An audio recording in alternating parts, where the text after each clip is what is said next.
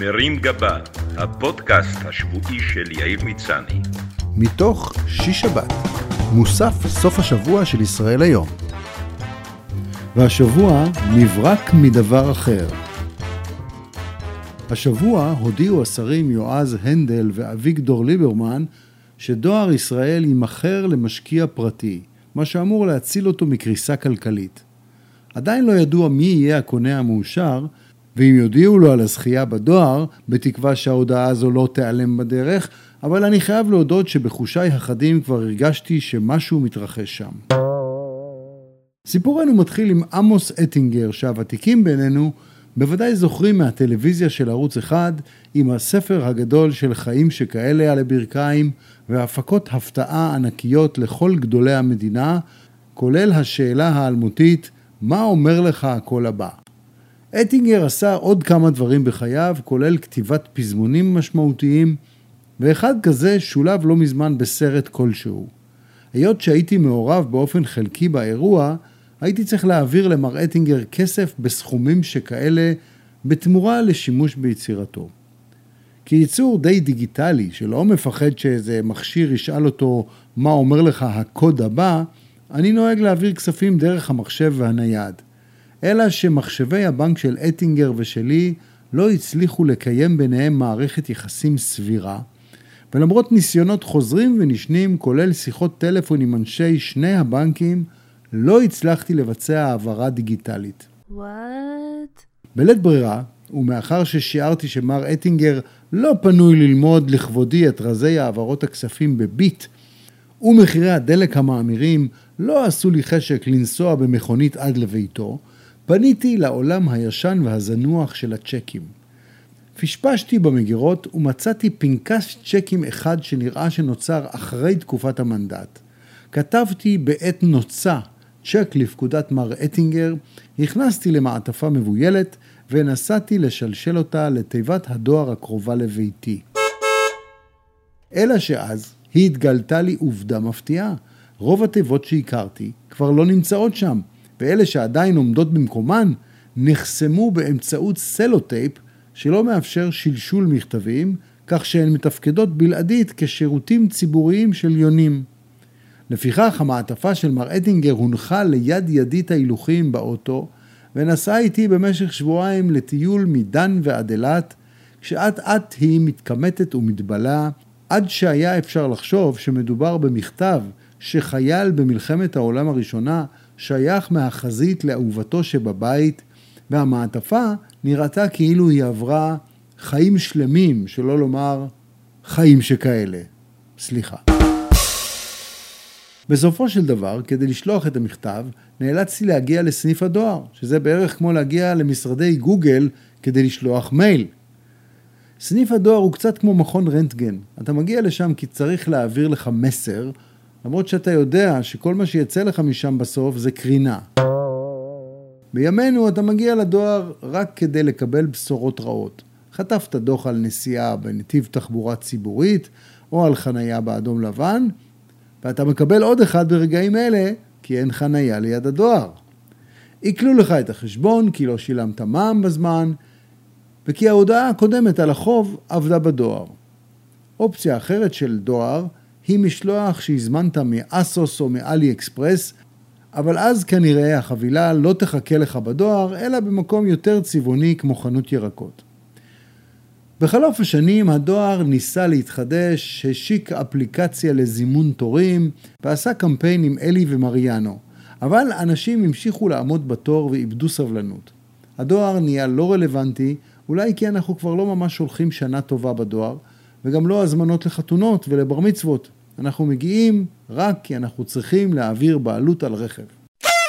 בעידן שבו אפשר לשלוח הודעות וידאו מכל מקום בעולם בזמן אמיתי, אין כבר טעם במכתבים ובגלויות מהטיול עם תמונה של מגדל אייפל, שלפעמים הגיעו ליעדם הרבה אחרי שאתה כבר חזרת לארץ. אבל זה לא אומר שלא נעים להיזכר. לא מזמן מצאתי את ארגז המכתבים הישן ששמרתי במשך 50 שנה, ובו מאות מכתבים שכתבו לי חברות וחברים בנעוריי. הופתעתי לגלות כמה היינו תלויים פעם במכתבים שנשלחו בדואר, וכמה כל עדכון בין חברים ומשפחה היה מבוסס על כתיבה ושליחה של מכתבים, פשוט כי לא הייתה אופציה אחרת.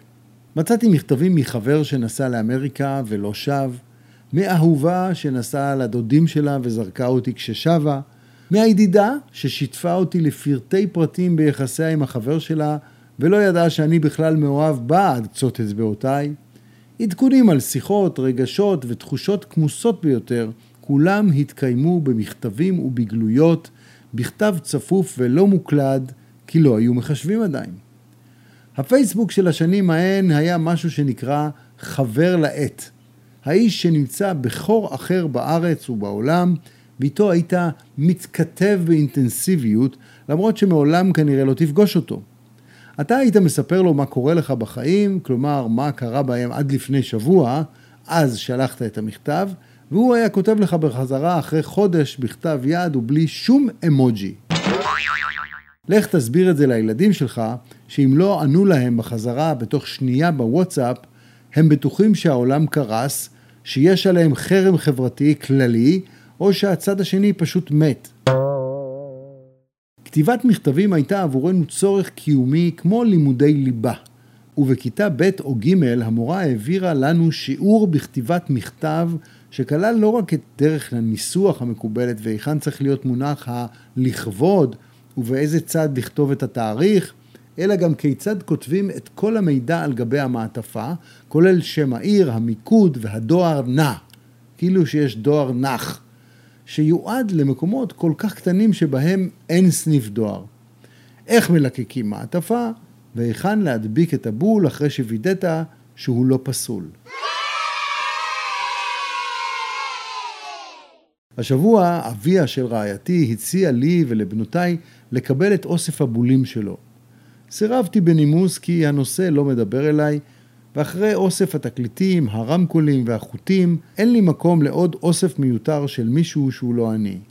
הוא כמובן היה בטוח שהאוסף שלו שווה מיליונים, ושאחרי שנפרסם את המודעה, הטלפון שלו יקרוס מהביקוש. אבל אחרי שיטוט קצר ביד שתיים, הוא הבין שיש עוד כמה אלפי אספנים שקיבלו בכל שבוע את מעטפת יום א' מהשירות הבולאי, ועכשיו מנסים להיפטר בול מאותם אוספים.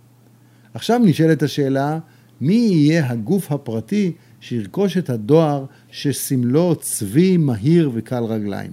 לפני שהדואר מקבל תביעה ייצוגית על הטיית לקוחות ודרישה להחלפת הסמל בצו, אולי כדאי להציע את העסק לאילון מאסק, שבדיוק ירד מרכישת טוויטר, ויש לו כסף פנוי להתנפל על אימפריית מדיה אחרת, ולהפוך לשליט הבלתי מעורער של עולם הבולים והעברות הבעלות. אפשר גם להציע לגוגל לקחת את הדואר לידיה ולשלב אותו בג'ימייל, שכבר כבש את העולם. למוצר המשולב, שיהפוך למונופול בתחום הדואר, אפשר יהיה לקרוא צבי מייל. אופציה אחרת היא רמי לוי, שכבר יש לו רשת מרכולים, רשת סלולרית, והוא משקיע גם בהצגות ילדים בחנוכה, שאם ירכוש את הדואר יוכל להחליף את סמל הצבי בסמל של עוף בגריל. יתרון נוסף למי שיקנה את העסק מעבר לצי הרכבים האדומים ועגלות הדברים שצועדים ברגל, יהיה לקבל לידיו את כל החבילות שלא הגיעו ליעדן בשנים האחרונות ומאוחסנות איפשהו בסניפי הדואר. אוצר שעשוי לאפשר לו להתחרות באלי אקספרס או לפחות לפתוח רשת ארצית של מוצרי סטוק מוזלים. אני מציע למען הסמליות שאת העסקה של העברת הדואר לידיים פרטיות יבצעו בסניף הדואר נע, כשעל הרוכש יהיה לעמוד קצת בתור, להציג תעודת זהות כולל ספח, לשלם רק במזומן ולחתום שהוא קיבל את המוצר על דף עם כתמים של טחינה. אני מבטיח לשלוח לו מברק ברכה וקונטרס בולים. שבוע טוב. מרים גבה, הפודקאסט השבועי של יאיר מצני. מתוך שיש שבת. מוסף סוף השבוע של ישראל היום.